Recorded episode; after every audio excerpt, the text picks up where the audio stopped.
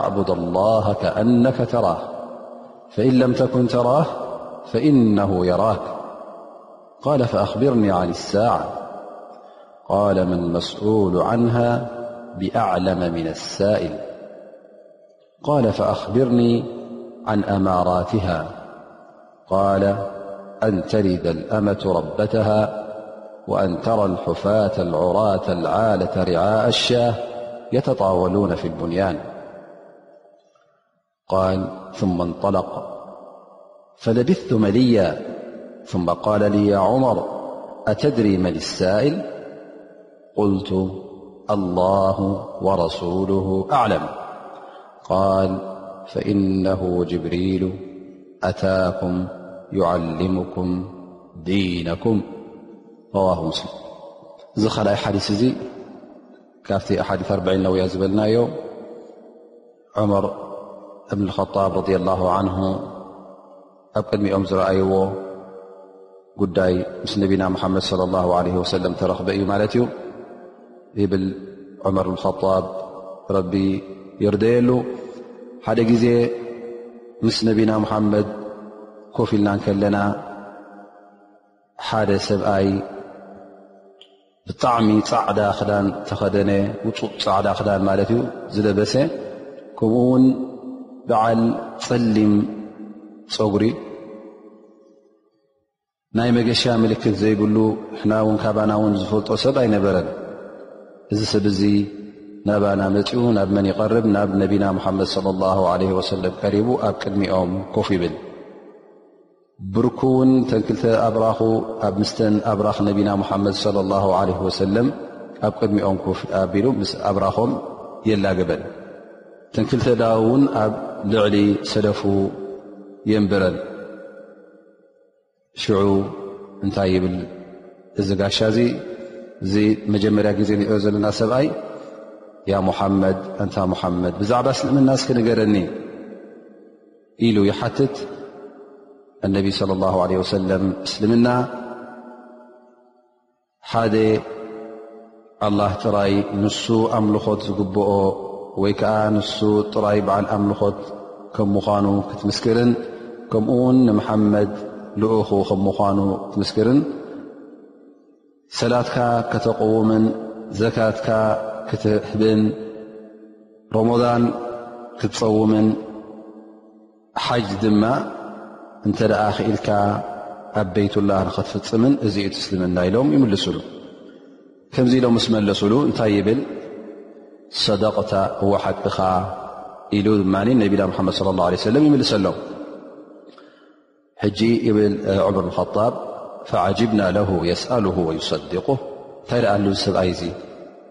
ይሓትት ሓቲቱ ድማ ዳሕራይ ወሓቂኻ ኢሉ ድማ ይምልስ እንታይ ደኣ ሉ ኢሎም ተገሪምና ይብል ዑመር ብን ጣብ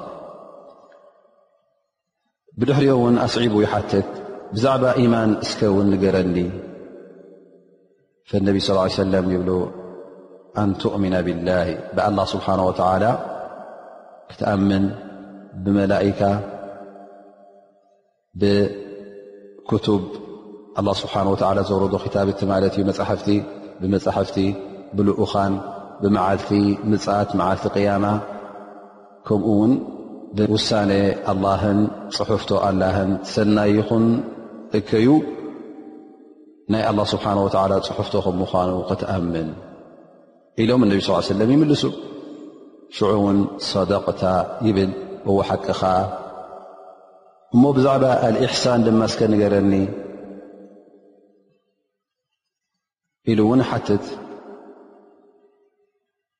እነቢ ስ ሰለም ድማ ይብሉ ልክ ንኣላ ስብሓን ወተላ ከም ትሪኦ ዘለኻ ኮንካ ኣብ ቅድሜኻ ብዓይነኻ ትሪኦ ከም ዘለኻ ኮንካ ክትግዝኦ ወይ ከተምልኾ እንተ ደኣ ብዓይነኻ ዘይትሪኦ ኣለኻ ኮንካ ድማ ንሱ ይርእካ እዩ ብርግፅ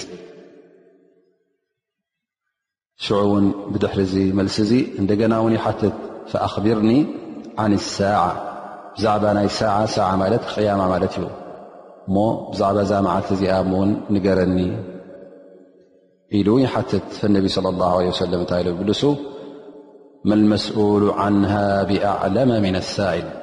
እቲ ዝሕትት ዘሎ ካብቲ ዝሓትት ዘሎ ዝያዳ ዝፈልጦ የብሉም ብዛ ጉዳይ እዚኣ ማለት ኣንታ ስኻ ትሓድተኒ ዘለኻ ካባኻ ዝያዳ ኣነ ዝፈልጦ ነገር የብለይን ስለዚ ክምልሰካ ኣይክእልን እየ ከምዚ ኢሎ ምስ መለሱ እንታይ ዶ ይሓትት ሰብኣይ እሞ ምልክታት ናታ ስከ ሞ ዳይሬት ነግረኒ እሳ ካብ ዘይፈለጥ ከያስ ምልክታ እንታይ እዩ ፈነቢ ስ ሰለ እንታይ ኢሎም ምልሱ ባርያ ጎይታኣ ክትወልድ ከምኡ ውን እቶም ጥራይ እግሮምን ጥራይ ነብሶምን ዕሩቓት ጓሳ ሓለውቲ ኣጣል ኣብ መንደቕ መንዳቕ ክጓየዩን ኣብኡ ድማ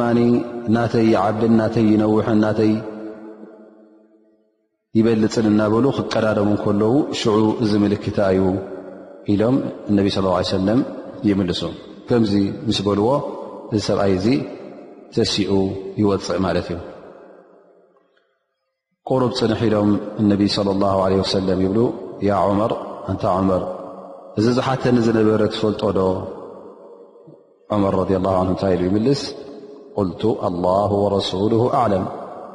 ኣላህን ረሱሉን ይፈልጡ ኣነ ይፈልጦን እየ ኢሉ ይምልስ ማለት እዩ ፈእነቢ ስ ሰለም ይብሉ እዚ ጅብሪል እዩ ዲንኩም ንከምህረኩም እዩ መፅኡ ፈኢነሁ ጅብሪል ኣታኩም ዩዓሊመኩም ዲነኩም እዚ ዩ ብሕፅር ዝበለ ትንተና እዚ ናይ ሎም መዓልቲ ሓዲስ እዚ እንሻ ላ ብዛዕባ እዚ ሓዲስ እዚ ሕጂ ኣስፋሓ ኣቢልና እቲ ሒዝዎ ዘሎ ኣስተምህሮን ፋይዳታትን ኣብኡ ክንኣቱ ኢና እንሻ ላ ተላ ዑለማ ይብሉ እዚ ሓዲስ እዚ ዓብይ ሓዲስ እዩ እብኒ ደቂቅ ኣልዒድ ዝበሃል ዓልም ረቢ ርሓመሉ እንታይ ብል እዚ ሓዲስ እዚ ብጣዕሚ ኣዝዩ ዓብ ሓዲስ እዩ ብዙሕ ናይ እስልምና ቀንድታት ዝኣሰረ እዩ እቲ ግዳማውን ውሽጣውን ተግባራት እስልምና ከምኡውን ናይ ሸሪዓ ናይ ሸርዒ እስልምና ኣስተምህሮ ዝሓዘለ እዩ ይብሉ ማለት እዩ ምክንያቱ ልክዕ እዚ ሓዲስ እዚ እንተ ርእናዮ ከምታ ኣብ ቁርን እመ ቁርን ትበሃል ኣልፋትሓ እዛ እዚ ሓዲስ እዚውን እመ ሱና ክንብሎ ምክኣልና ነርና ይብል ማለት እዩ ስለዚ ክብረት ናይዚ ሓዲስ እዚ እውን ኣበይ ይረአ ብዝያዳ ይብል ልእማ ብኒ ረጀብ ኣብቲ መጨረሻ ሓዲ ነቢ ስ ሰለም ሃذ ጅብሪል ኣታኩም ዩዓልመኩም ዲነኩም ክብሉ ከለዉ እዘን እዚ ጅብሪል እዚ ዩ መፅኡ ምእንቲ ዲንኩም ከምህረኩም ክብል ከለዉ ና እዚ ሓዲስ እዚ ዓብ ትምህርቲ ዝሓዘለ እዩ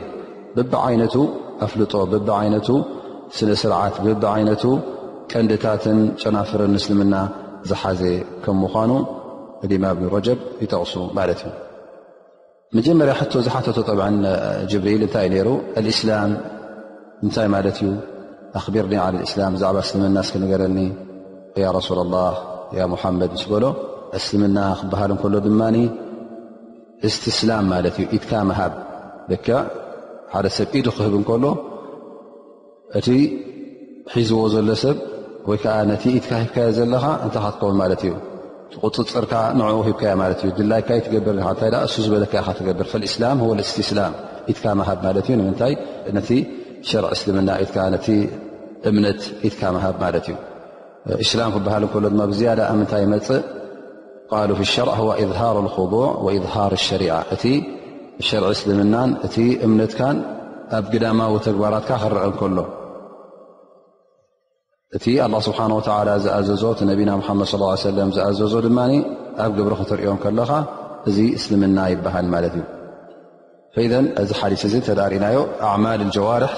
ዝኣስር ክኸውን ማለት እዩ ብኣካላትካን ብመልሓስካን እትገብሮ ተግባራት ናይ ሰላት ኮይኑ ናይ ሸሃዳ ኮይኑ ናይ ዘካት ኮይኑ ናይ ሓጅ ኮይኑ እዚ ኩሉ ዕባዳት በደኒ የበሃል ማለት እዩ እዚ ትቐንድታት ናይ እስልምና ብኣካልካ እትፍፅሞ ማለት እዩ ብ ኣብዚ ሓዲስ እዚ እቲ ተጠቂሱ ዘሎ ሰላትን ኣርካን እስላም ተጠቂሰን ኣለዋ ግን እዚአን ቀንድታት ስለ ዝኾና ናይ እስልምና እሰን እየን ግን እቲ እስልምና ጥራይ ሰን ማለት ኣይኮነን ግን እዘን ተጠቂሰን ዘለዋ ተን ቀንድታት ናይ እስልምና እየን ግን እስልምና ሰፊሕ እዩ ገፊሕ እዩ ስለዚ ኣተ ነቢ ስለ ላ ለ ወሰለም ካብቲ ስነ ስርዓታት ዛዕባ ናይ እስልምና ክጠቕሱ ከለዉ እንታይ ይብሉ ኣልሙስሊም መን ሰሊመ ልሙስሊሙና ምን ልሳን ወየድህ ኣስላማይ እቶም ኣስላም ካብ መልሓሱን ካብ ኢዱን ናፃ ዝኾኑ እዮም ማለት ነቶም ኣስላም ዘይጓዳእ ብመልሓሱ ይኹን ብኢዱ እዘን እዚ እስልምና እዩ ወየቁል ነቢ ስ ሰለም ምን ሑስኒ እስላም ልመር ተርክሁ ማ ላ ያዕኒ ሓደ ካብቲ ናይ እስልምና ድማ ኣብ ዘየድልየካ ጣልቃ ዘይምእታው እዩ ሓደ ሰብ ኣብ ዘይምልከቶ ነገር ጣልቃ ዝኣቱ ሰብ እዚ ሕጂ ካብቲ ስነ ስርዓት ናይ እስልምና ኣይኮነን ካብ ስነ ስርዓት እስልምና ውፅኢ ስለዚ እስልምና እዚ ኩሉ ዝሓዘለ እዩ ግን እዚ ሓዲስ እዚ ክጠቅስ ከሎ እንታይ ጠቂሱ ከምቲ ነቢና መሓመድ ተቐንድታት ናይ እስልምና ብኣካላትካ ትገብሮ ተጠቂስዎ ማለት እዩ ንሰን ድማ ተንጠቂሰን ዘለዋ ከምቲ ዝጠቀስናዮ ናይ ሸሃዳን ሰላትን ጾምን ዘካትን ሓጅን ተን ኣርካን እስላም ዝበሃላ እየ ብድሕሪኡ እውን ብዛዕባ ናይ ኢማን ተጠቒሱ ማለት እዩ ብዛዕባ እዚ ክዝረብ ዝከኣል እውን እተ ኣሎ ኮይኑ እቲ ቀንዲ ኢማን እንታይ እዩ ናይ ብሓቂ እምነት ኣብ ልብኻ ክትዓቀሩ ከለኻ ማለት እዩ ነቢይ صለ ላ ለ ወሰለም ኢማን ክገልፅዎ ከለዉ ኣብዚ ሓዲስ እዚ ብምንታይ ገሊፆም በተን ቀንድታት ናይ ኢማን በተን ኣርካን ልኢማን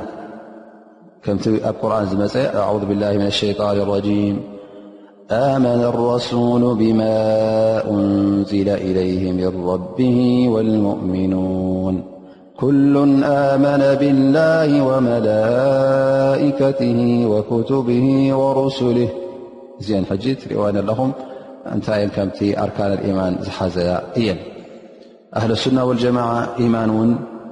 ብቓልካን ብተግባርካን ብንያኻን ብልብኻን እተረጋግፆ ጉዳይ እዩ ኩሉ ተግባራት ኣብቲ ትሕቲ ኢማን እውን ክቁፅር ይከኣል እዩ ከምቲ ኣህለሱና ወልጀማዓ ዝብልዎ እቲ ኢማን ጥራይ ናይ ልባዊ እምነት ኣይኮነን እንታይ ደኣ ልባዊ እምነትን መልሓሳውን ተግባራውን ዘማለአ እዩ ነቢ ስለ ላ ለ ሰለም ግን ኣብዚ ክጠቕስዎ ከለዉ እቲ ብካልእ መረዳእታ ገይሮም ኣረዲኦምና እቲ ድማ ብካልእ እስልምና እንታይ ከም ምኳኑ ኢማን እውን እንታይ ከም ምኳኑ ግን ኩሉ እውን ሓደ ሽም ክወሃብ ይኽእል እዩ እንተደኣ እስላም ኢልካ ኢማን እውን ከጠቓልል ይኽእል እዩ ወይ ኢማን እተ ኢልካ ውን እስልምና ከጠቓልል ይኽእል እዩ ግን እንተ ደኣ ኣልእስላም ወልኢማን ክልትኤን ብሓደ እተ ተጠቒሰን ነናተን ፍልይ ዝበለ ትርጉም ክሕዛ ይኽእላ እየን ግን እንተ በበይነን መፅን እስላም ንበይና እተ ጠቒሳ ወይ ከዓ ኢማን ንበይና እተ ጠቒሳ ንክልቲኡ ትርጉም ክዕብልላ ይኽእላ እየን ማለት እዩ ኣህል ሱና ወልጀማዓ እውን ኣነ ዓመል ምን ልኢማን ይብሉ ተግባራት ሰላት ይኹን ፆም ይኹን ሰናይ ተግባር ኩሉ ካብ ኢማን እዩ ዝቁፀር እዚ ካበይ ተበጊሶም እዮም ምክንያቱ ኣብ ቁርን እተ ግልፅ ኢልና ቁሩብ ኣላ ስብሓን ወተላ እቶም ሰብ ኢማን ክገልፆም እንከሎ ጥራይ ብልባዊ ኢማን ኣይኮነን ጥራይ ዝገልፆም እንታይ ደኣ ናይ ልባዊ ኢማንን ናይ ተግባራታዊ ስራሓትን ናይ እምናት ዘርእዩ ሰባት ከም ምኳኖም ኣላ ስብሓን ወተላ ይጠቕስልና ማለት እዩ ኣዙ ብላ ሸይጣን ረጂም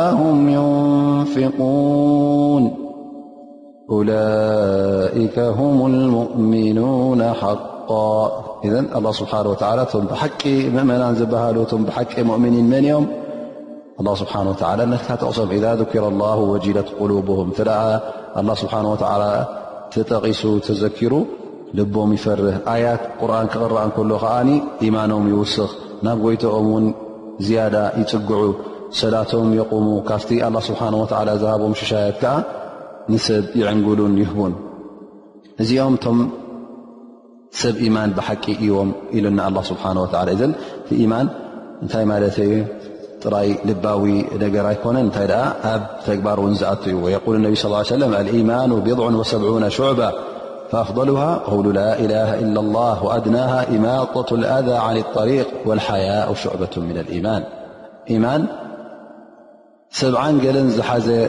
ጨንፈራት እዩ እቲ ዝበለፀንቲ ዝለዓለን ላኢላሃ ኢለ ላ ትብል ቃል እያ እቲኣ ዝተሓተት ካብ ናይ ኢማን ተግባር ከዓ ካብ መንገዲ ጉድኣት ምርሓቕ ካብ መንገዲ እሾ ኮይኑ እምኒ ኮይኑ ዝኾነ ይኹን ንሰብ ዝጎድእ ንዕኡ ገለል ኣቢልካ ከተርክዖ ከላካ መንገዲ እዚ እውን ካብ ኢማን እዩ ሕፍረት ሓያ ምግባር ስክፍታ ውን ካብ ምንታይ እዩ ካብ ኢማን እዩ ኢሎም ነቢ صለ ላ ለ ወሰለም እዘ ኢማጠት ኣዛ እንታይ እዩ ተግባር እዩ ብኢትካ ብጉልበትካ ዝስራሕ ነገር እዩ ሕማቕ ነገር ተዕሪኻ መንገዲ ንሰብ ዝዕንቅፍ ጉድጓድ ኮይኑ እምኒ ኮይኑ ገለ ኮይኑ ንዑ ከተመዕራር እተ ተረኺብካ እዚ ተግባር እዚ ካብ ኢማን ናይ ኢማን እዩ ኢሎም ነቢ ለ ላ ለ ወሰለም ከምኡ ውን ኣህል ሱና ወልጀማዓ እንታይ ይብሉ ኢማን እኮ ይዛይድን ይውስኽን እዩ ኣብ ልቢኻ እዚ ኢማን እዚ ኩሉ ግዜ ሓደ ደረጃ ኣይኮነን ኸይድ እንታይ ደኣ ይውስኽን ይንክን እዩ ይበዝሕን ይጎድልን እዩ እዚ ነገር እዚ እውን ኣብ ቁርን ተጠቒሱ እዩ ቃል ኣላ ስብሓን ወተላ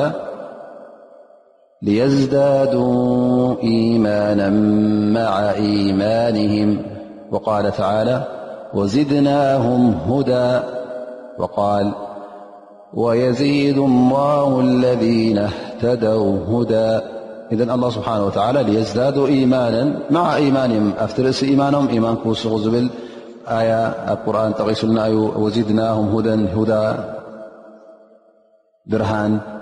እምነት ወሲኽናዮም ኢና ኢሉና ዩ ኣላ ስብሓን ወላ ስለዚ እቲ ኢማን ኩሉ ግዜ ይውስኽን ይንክን እዩ እንተ ደኣ ክውስኽ ኮይኑ ብምንታይ ዩ ዝውስኽ ብሰናይ ተግባር ብር ብፅቡቕ ክትገብር ከለኻ ኢማንካ ውስኽ ማለት እዩ እንተ ደኣ ጣዓታት ኣጉዲልካ ከዓ እቲ ኢማንካ ይጎድል ማለት እዩ እንተ ኢማንካ ኩሉ ግዜ ዘይተጣጥዖን ዘይትውስኮ እተ ኮይንካ ግዴታ ንሱ እውን ክጓደል እዩ ምክንያቱ እተ ሓደ ሰብ በዓል ኢማን ተባሂሉ እሞ ከዓ እዚ ኢማን ዝእዝዞ ነገራት ዘይፍፅም እተ ኮይኑ ልቡ እና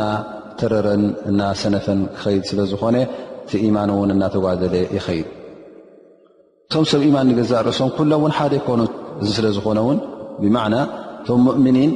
ኣብቲ ኢማኖም እፈላለዩዮም ሓደ ደረጃ ኣይኮኑን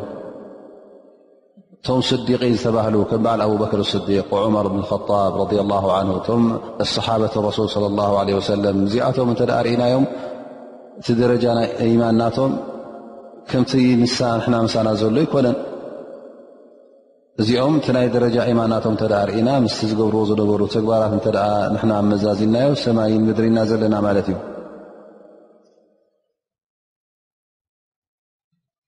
ዑመር ብን ጣብ ረ ላ ተሓቲቱ ሓደ ግዜ ሃልካነ ኣስሓብ ረሱሉ ላ ለ ላ ለ ወሰለ የضሓኩን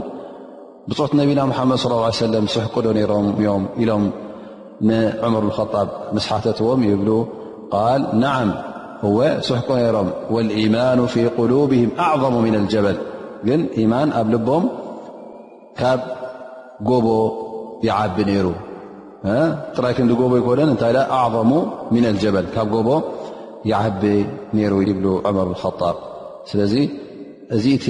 ኢማን ኣብ ልቦም ዝነበረ ከም በዓል ኣብበከር ኣስዲቅ ከምቲ ናቶም ዝተዋህቦ ኢማን ኩሉ ሰብ ዝረኽቦ ኣይኮነን ስለዚ እቶም ሙእምኒን ዝበሃሉ እውን ደደረጃ ከም ዘለዎም ይበርሃልና ማለት እዩ ወልኢማን ዝጠቐስናዮ እዩ ብሓፈሽኡ ግን ብዝያዳ እታ ኣተኪርና ክንጠቕሳ ንደሊ ኣልኢማን ብልቀض ወልቀደር ትማላ ኣልኢማን ብልቀض ወልቀደር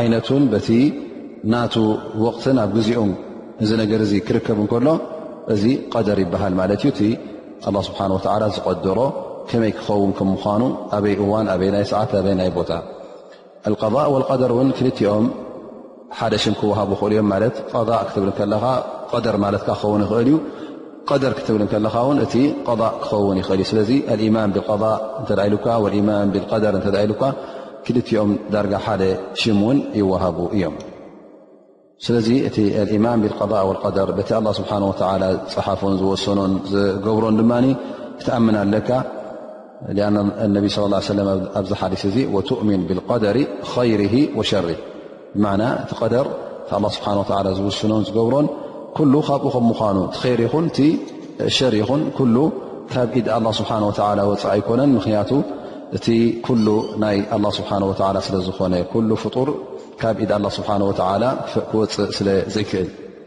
ኣልኢማን ብልቀደር ክበሃል ከሎ ከመይ ጌርና ክንርድኦ ኣለና ከመይ ጌርና ክንኣምን ኣለና ብክልተ ሸነኻቱ ክንኣምን ኣለና ቀዳማይ ነገር ኣላ ስብሓን ወተዓላ ዝኾነ ነገር ከይተረኸበ ከሎ እዚ ነገር እዚ ክርከብ ከም ምዃኑ ከም ዝፈልጥ ካብኡ ዝሕባእ ነገር ከምዘየለ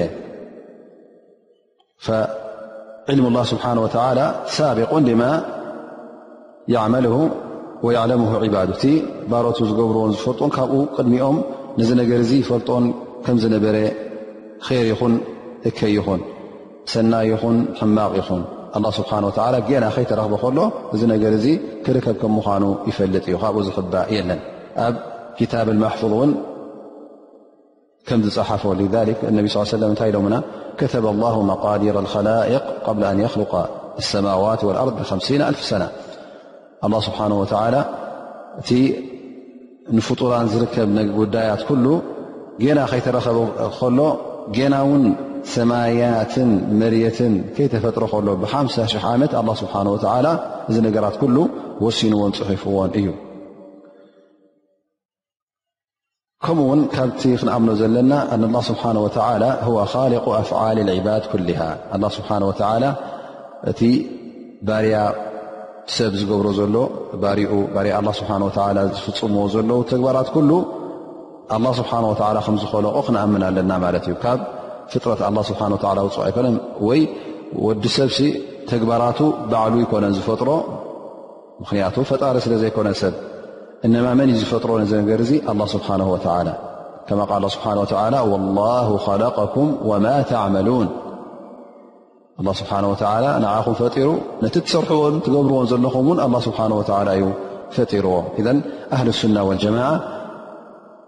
በዚ ነገር እዚ ይኣምኑ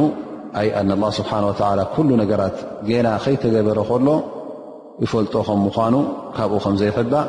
ኩሉ ወዲ ሰብ ዝገብሮ ነገራት እውን ካብ ፍጥረት ኣላ ስብሓ ወላ ውፁእ ኣይኮነን ግን ኣላ ስብሓ ወላ ዝፈጠሮ እዩ ጠብ ናይ ጉዳይ ቀضእ ወልቀደር ብዙሕ ሰባት ይጋገዩ ይጠፍኡ መንገዲ ይጋገዩ ክካትዑን ከዛረቡን ትረኽቦም ኣብ መጨረሻ እውን ገሊኦም ነቲ ሓቂ ስሒቶም ነብሶም ስሒቶም ንካልእ እውን ከስሕቱ ይኽእሉ ማለት እዩ እቲ ኣብዚ ጉዳይ ዘሎ ኣደናጋሪ ነገር እናተጠቐሙ ንሰብ ከስሕት ይጀምሩ ማለት እዩ ሰብ ድማ ብዛዕባ እዚ ኣላ ስብሓን ወተላ ዝሃቦ ፍልጠትን ዕልምን ውሑድ ስለ ዝኾነ ኩሉ ነገራት ክበርሃልካ ኣይክእልን እዩ ምክንያቱ ፍልጠትካ ውሱን ስለ ዝኾነ ኣላ ስብሓን ወተላ ነቲ ፍልጠት ናቱ ብኩሉ ኣኽቢብካ ክትፈልጦ ምንም ነገር ከይረሓቐ ካባኻ ኣይከኣልን እዩ ምክንያቱ ፍልጠትካን ፍልጠት ኣላን ስብሓን ወተላ ሓደ ኣይኮነን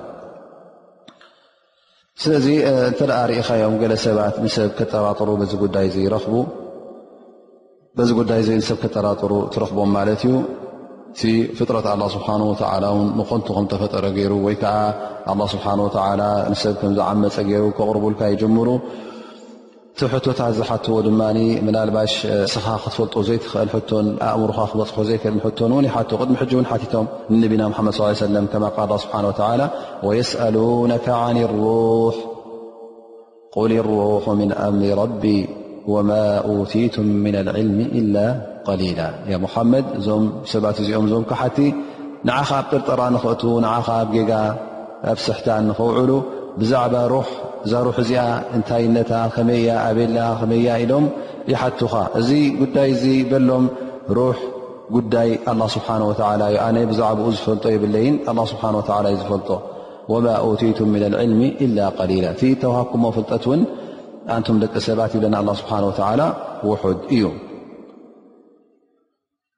ብዛዕባ ናይ ጉዳይ ኣልቀضእ ወልቀደር እውን ብዙሓት ሰባት ኣረዳድኣ ናቶም ውሱን ኣረዳድኣ ስለዝኾነ ሓፂር ኣረዳድኣ ስለ ዝኾነ ሕጂ እዞም ሰባት እዚኦም ነቲ ጉዳይ ብሓደ ሸነኽ ጥራይ ይርድእዎ ብካልእ ሸነኽ እውን ኣይርድእዎን ስለዚ ይጠፍኡ ማለት እዩ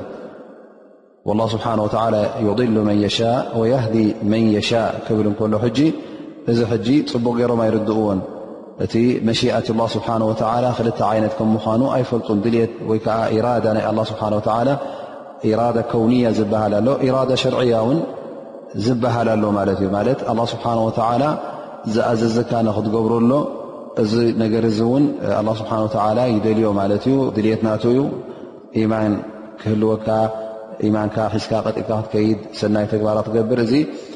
ኢራዳ ሸርዒ ይበሃል ከምኡ ውን መ ወይ ኢራዳ ከውንያ ዝበሃል ኣሎ እሱ ከዓ ናይ ፍጥረት ጉዳይ ማለት እዩ ስብሓ ክፈጥርን ከምውትን ክሕይን እዚታት ነገር ካልእ ዓይነት እዩ ስለዚ ነዚ ነገራት እዚ ስለ ዝተሓዋወሶም ነዚ ጉዳይ እዚ ዘየፅረዩ ሰባት ነብሶም ኣታሊሎም ንሰብ እውን ከጋግ ይኽእሉ ማለት እዩ ኣላ ስብሓን ወተላ እውን ወዲ ሰብ መሽኣ ከም ዘለዎ ጠቒሱና እዩ ወማ ተሻኡና ኢላ ኣን የሻ ኣላ እዘን ወዲ ሰብ ድልት ኣለዎ ነዚ ንገለ ነገር ንክገብር ላኪን እቲ ድልት ናቱ ትኽእለት ናት ድማ ኣላ ስብሓን ወተላ ውሱን ገይርዎ ካብቲ ክእለት ኣላ ስብሓን ወላ ደረት ክእለት ኣላ ስብሓን ወላ ካብኡ ክወፅእ ከም ዘይክእል ኣላ ስብሓን ወተዓላ ሓቢሩና እዩ ስለዚ ገለ ሰባት ሕጂ ነዚ ጉዳይ ናይ ቀደር ባዕሎም ብናይ ሓንጎሎም መጠን ገይሮም ንሰብ ንኸረድኡ ወይ ከዓ ኣብኡ ንክኣትዉ ንዕኡ ንክትንትኑ ይፍትኑ በዚ ድማ ናብ ጌጋ ክወጥቁ ትረኽቦም ማለት እዩ እቲ ኣያታት እቲ ሓዲ ናይ ረሱል ለ ላ ለ ወሰለም ኣጸቢቖም ክርድእዎ ስለ ዘይከኣሉ እውን ኣብ ምንታይ ይወድቁ ማለት እዩ። እዚኣ ነገር እዚኣ እውን ብጣዕሚ ብርትዕቲ ስለ ዝኾነት ኩሉ ሰብ እውን ተመራሚሩ ኣብ መጨረሻ ክበፅሓላ ስለ ዘይክእል ብዙሕ ዕልሚ ፅቡቕ ዕልሚ የድልየካ እዩ። ስለዚ እዚ ሰብ እዚ ብዛዕባ እዚ ክዛረብ እንተ ኮይኑ እኹል ዕልሚ ክህልዎ ኣለዎ፣ እኹል ፍልጠት ክህልዎ ኣለዎ ብኣያታት ናይ ቁርን ብሱና ናይ ነቢ ሙሓመድ ለ ላ ሰለም ምእንቲ ንሰብ ከረድእ ከካታዕ እንተ ደልዩ ማለት እዩ። ጠብዓ ብዛዕባ ናይ ጉዳይ ኣላ ስብሓን ወተላ ክዝረብ እተ ኮይኑ ብዛዕባ ክእለቱን ብዛዕባ ፍልጠቱን ከመይ ጌርካ ንኣላ ስብሓን ወተላ ትገልፆን ቅፅላት ኣላ ስብሓን ወተላ ብዛዕባኡ ክዝረብ እንተ ኮይኑ ኣላ ስብሓን ወተላ ብ ብዛዕባኡ ክንፍልጦ ዘለና ጉዳያት ኣሎ ቀዳማይ ነገር እንታይ ክንፈል ኣለና ማለት እዩ እቲ ሲፋት ላ ስብሓ ወላ ቅፅላት ኣላ ስብሓ ወላ ካብ ቅፅላት ደቂ ሰብ ፍልይ ዝኸ ከም ምኳኑ ብማዕና ዕልም ላ ስብሓ ወ ለይሰ ከዕልሚ በሸር ፍልጠት ኣላ ስብሓ ወ ዕልሙን ፍልጠቱን ከም ናይ ሰብ ኣይኮነን እንታይ ደኣ ፍልይ ዝበለ እዩ ኣላ ስብሓ ወላ ፍልጠት ኣለዎ ዕልሚ ኣለዎ ወዲ ሰብ እውን ናቱ ፍልጠትን ዕልምን ኣለዎ ላኪን ክልትኡ ፍልጠት ይሰመ ደኣ እምበር በበይኑ እዩ ኣላ ስብሓን ወተላ ኣብ ዕልሚ ናቱ ኣብ ፍልጠት ናቱ ሙሉእ ዘይጉዱል እዩ ወዲ ሰብ ግን ሙሉእነት የብሉን ካብ ኣላ ስብሓን ወተላ ዝሕባእ ነገር የለን ኣላ ስብሓን ወተላ እውን ዳኽራይ ዝፈለጠ ኣይኮነን ወዲ ሰብ ግን ክውለድ እንከሎ ወላ ሓንቲ ከይሓዘ እዩ ዝውለድ ጃሂል ደንቆሮ እዩ ዝውለድ ዳሕራይ ዩ ፍልጠትን ዕልምን ዝቐስም ኣማ ኣላ ስብሓን ወተላ ናይ ዘለኣለም ፍጥረት ኣለዉ ፍልጠት ዘለዎ እዩ ከምኡ ውን ኣላ ስብሓን ወተላ ካብ ኩሉ ጎድለታት ንፁህን ፅሩይ ከም ምዃኑ ክንኣምን ኣለና ነዚ ነገር እዚ እውን ከነረጋግፅ ኣለና ማለት እዩ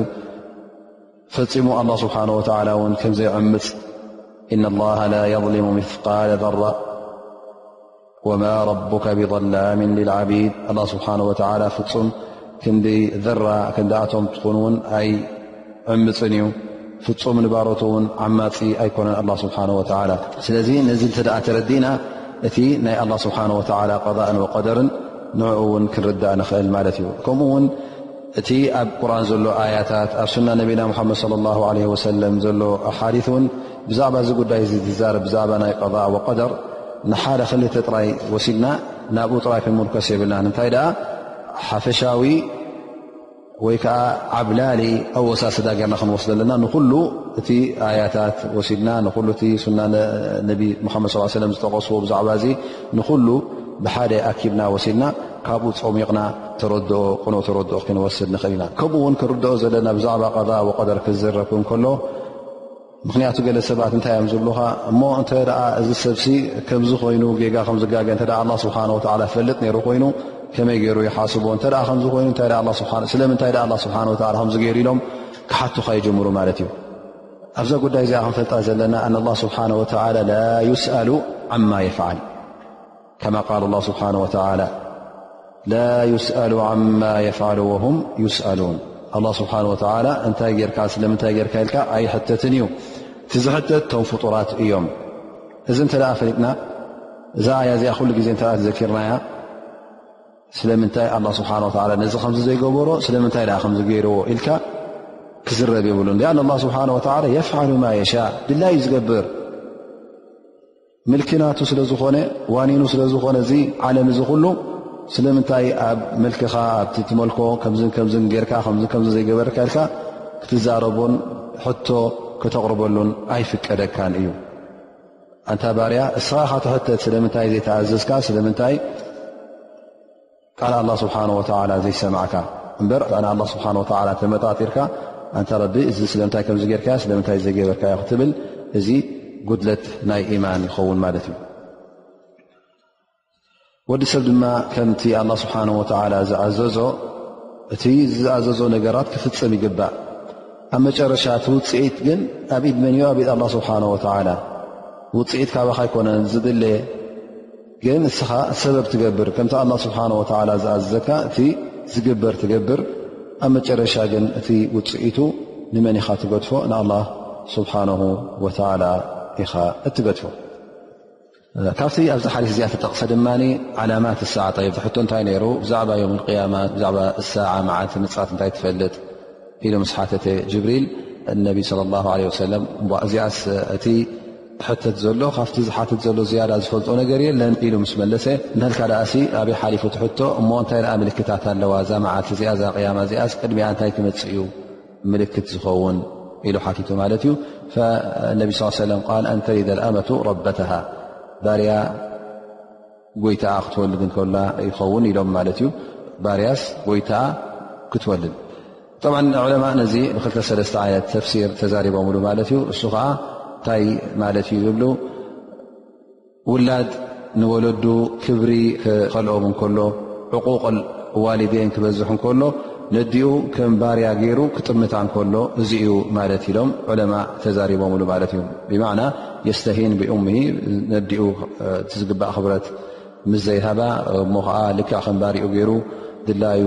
ክጨቁናን ክሃርማን ክረአ እንከሎ እዚ ይብሉ ማለት እዩ ካልኣይ ነጥቢ ኢሎም ላ እዚ ኮነን ትትርጉሙ ካልእ እዩ እንታይ ደኣ እቲ እስልምና ኣስፋሕፊሑስ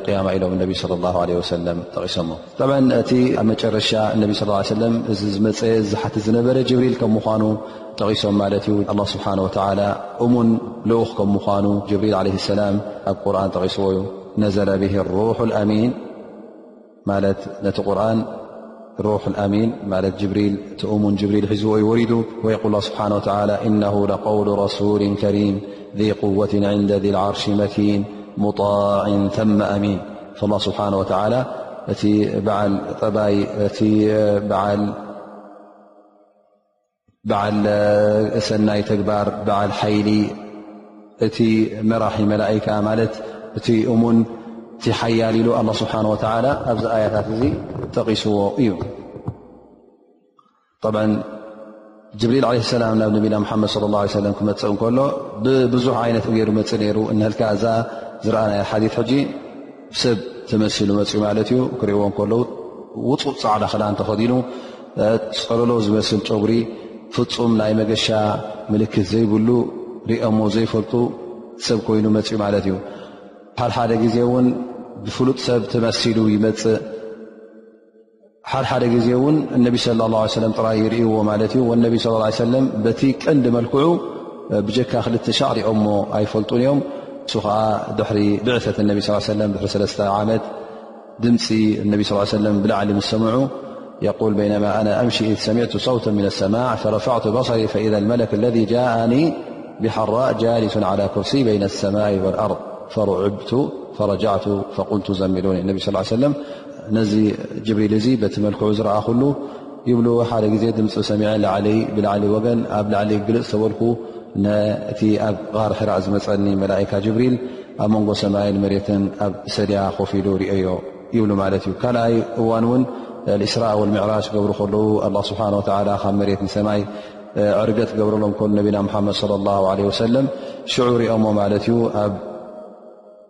ላዕሊ ኣብዚ ኣድማስ እዚ ነዚ ኣድማስ እዚ ኩሉ ሸፊንዎ ሽዱሽተ ሚእቲ ግልግለታት ዘርጊሑ ጅብሪል ዓለ ሰላም ተራእዩ ማለት እዩ በቢ ዓይነቱ ሕብሪ ዘለዎ ግልግለታት እዘን ጅብሪል ከምዚ ዝመስል ክልቃ ወይ ከዓ ፍጥረት እዩ ሓደ ካብቶም ክቡራን መላእካ ከም ምኳኑ ኣላ ስብሓን ወተላ ጠቒሱልና እዩ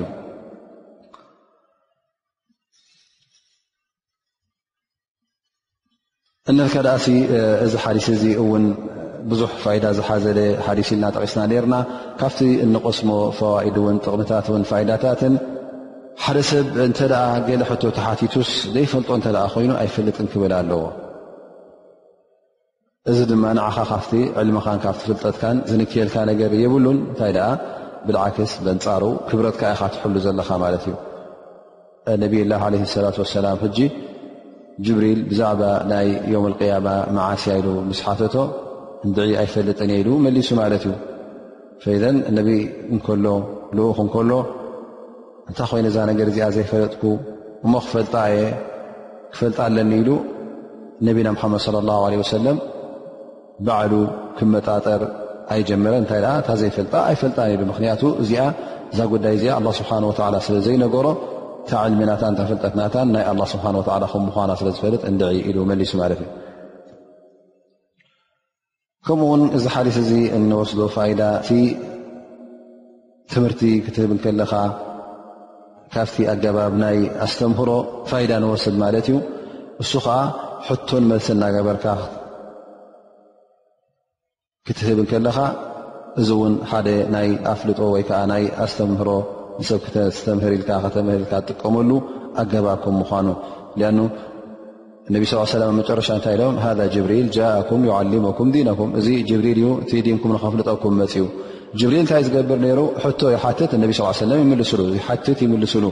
ዘንቲ ኣገባብ ከመይ ነይሩ ሕቶ ሓቲትካ መልሲ ትረክብ ሕቶ ሓቲትካ መልሲ ትረክብ ስለዚ ሓደ ካብቲ ኣገባብ ናይ ትምህርቲ ሰብ ክመሃረሉ ዝኽእል ዲኑ ብዝያዳ እንታይ እዩ ሕቶን መልሲ እናገበርካ ንሰብ ከተምህር ከም ትኽእል እዚ እውን ሓደ ካብቲ ኣገባብ ቅኑዕ ኣገባብ ከም ምኳኑ ንርዳእ ማለት እዩ ከምኡ ውን ናልካ ደኣሲ ኣብዚ ሓዲስ እዚ ዝረኸብናዮ ፋይዳ እኖ እቶም መላእካ ንሰብ መሲሎም ክመፁ ከም ዝኽእሉ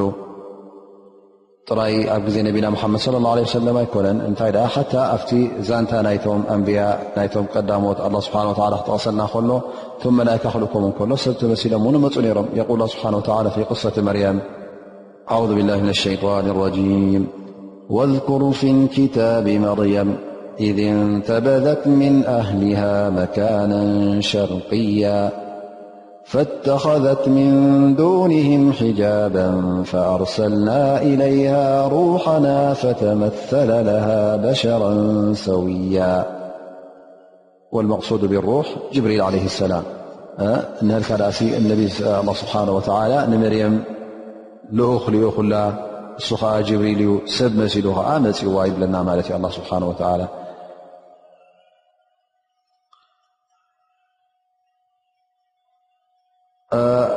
ብ ሓዲስ ኣብዚ እውን ካብቲ ፋይዳ እንወስዶ እ ነዊሕ ህንፃታት ምህናፅ ጌጋ ማለት ኣይኮነን እንታይ ደኣ እዚ ካብቲ ዓላማት ዝሰዓ ከም ምኳኑ ነቢ ስ ሰለም ጠቂሶም ኣለዉ ግን እንታይ ማለት እዩ እንተ ኣብ ዘየድሊ ነገር ኮይኑ ሱቕ ኢልካ ዘይጠቅም ናብዚታት ክትመጣጠር ወይ ከዓ ናብኡ ክትወዳደር ከም ዘየድልዩ ጥራይ ዝሕብረና ዘሎ ማለት እዩ ሓዲ ድላለት ላ ከራሃት ማ ላ ተድኦ ሓ ኢለይ ምና ልቢና ወሚን ተጥዊል ልቢናእ ወተሽይድ ሰኦልካ ዘየድሊ ጥራይ ንተፋኹር ኣነ ሓይሽ ኣነ በልፅ ኢልካ እንተ ናብኡ ክተወዳደር ኮይንካ እዚ ፅቡቕ ከም ዘይኮነ ላኪን እተ ኣድላዩ ኮይኑ እንተ ትጥቀመሉ ኮይንካ እዚ ነገር እዚ ጌጋ ማለት ኣይኮነን ካብቲ ሓዲስ እውን እንወስዶ እ ሓደ ሰብ ፅሩይ ክክደን ፅቡቕ ክክደን ኣብ ፅቡቕ ክረአ እዚ ነገር እዚ ኣብ ሸርዒ እስልምና ቅቡል ከም ምኳኑ ፍትው ከም ምኳኑ ንሪዮ ማለት እዩ ምክንያቱ እዚ ሰብኣይ እዚ እዚ መላካ እዚ ክመፅእ ኮ ናብ ነቢና ሓመድ ስ ሰለም እቲ ኣብ መፃፅኣ ናቱ ምስ ፅሩይ ክዳውንትን ብፅቡቕ መልክዑን ቀሪቡ ማለት እዩ ስለዚ ፅርትን ፅቡቕ መልክዕን ምስልምና ፀልኦ ኣይኮነን ምስልምና ዝፃረር ኣይኮነን እንታይ ደኣ እስልምና ኩሉ ግዜ ፅርትን ፅባቐን ይፈቱ እዩ ከመይ ጌርካ ውን እዚ ሓዲስ እዚ እውን ይርኤየና ከመይ ጌርካ ከም እትዕለም ክትመሃር ከለኻ ነቲ ዘምህረካ ውን ብዓይኒ ክብሪ ክትሪኦ ከም ዘለካ ኣብ ቅድሚኡ ቀሪብካ ክትወስድ ከለኻ ፍልጠትን ዕልምን ክትቀስም ከለኻ ክብረት ዘለዎ ኣረኣያን ክብረት ዘለዎ ኮፍ ኣባህላን ጌርካ ክትቀርብ ከም ዝግባእ እዚ ሓዲስ እዚ እውን ኣርዩና ማለት እዩ ካብቲ ካብዚ ሓዲስ እውን እንወስዶ እኖ እቲ ኣልብ እቲ ሕቡእ ነገር ስቱር ነገር እውን ብጀካ ኣላ ስብሓን ወተዓላ ዝፈልጦ የለን ወላ መላእካ ይኹን ወላ እውን ልኡኻን ኣላ ስብሓን ወተዓላ ይኹኑ እንተ ኣላ ስብሓን ወተዓላ ዘየፍለጦምሲ እቲ ስቱር ነገር ብ ነገር ሕቡእ ነገር ኣይፈልጥዎን እዮም እቲ ሕቡእ ነገር ዝበሃል እቲ ብ ዝበሃል ብጀካ ኣላ ስብሓን ወተዓላ ስቱር ነገር ብጀካ ኣላ ስብሓን ወተዓላ ዝፈልጦ የለን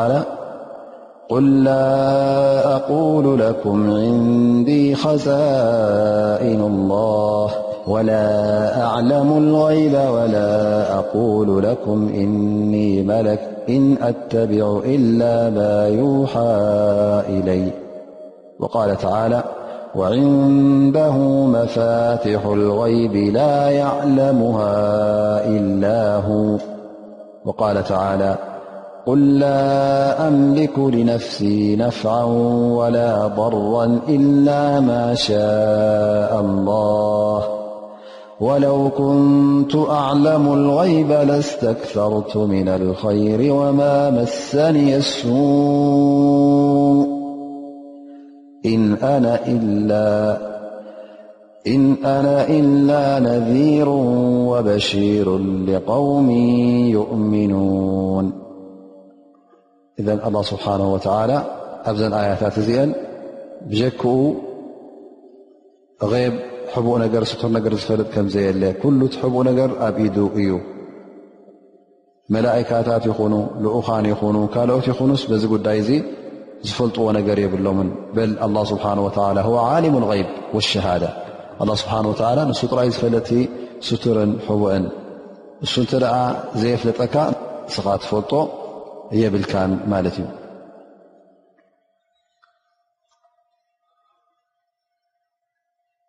ስለዚ እዚ ሓዲስ እዚ ከም ዝረኣናዮ ዓብ ሓዲስ እዩ ብዙሕ ፋይዳ ዝሓዘለ ሓዲስ እዩ ነቢ صለ ላه ለ ወሰለም እውን ነቲ ሕቶታት ዝቐርብ ዝነበረ ጅብሪል ዝሓቶ ዝነበረ እንታይ ዝሓትት ነይሩ ቀንድታት ይሓትት ነይሩ ማለት እዩ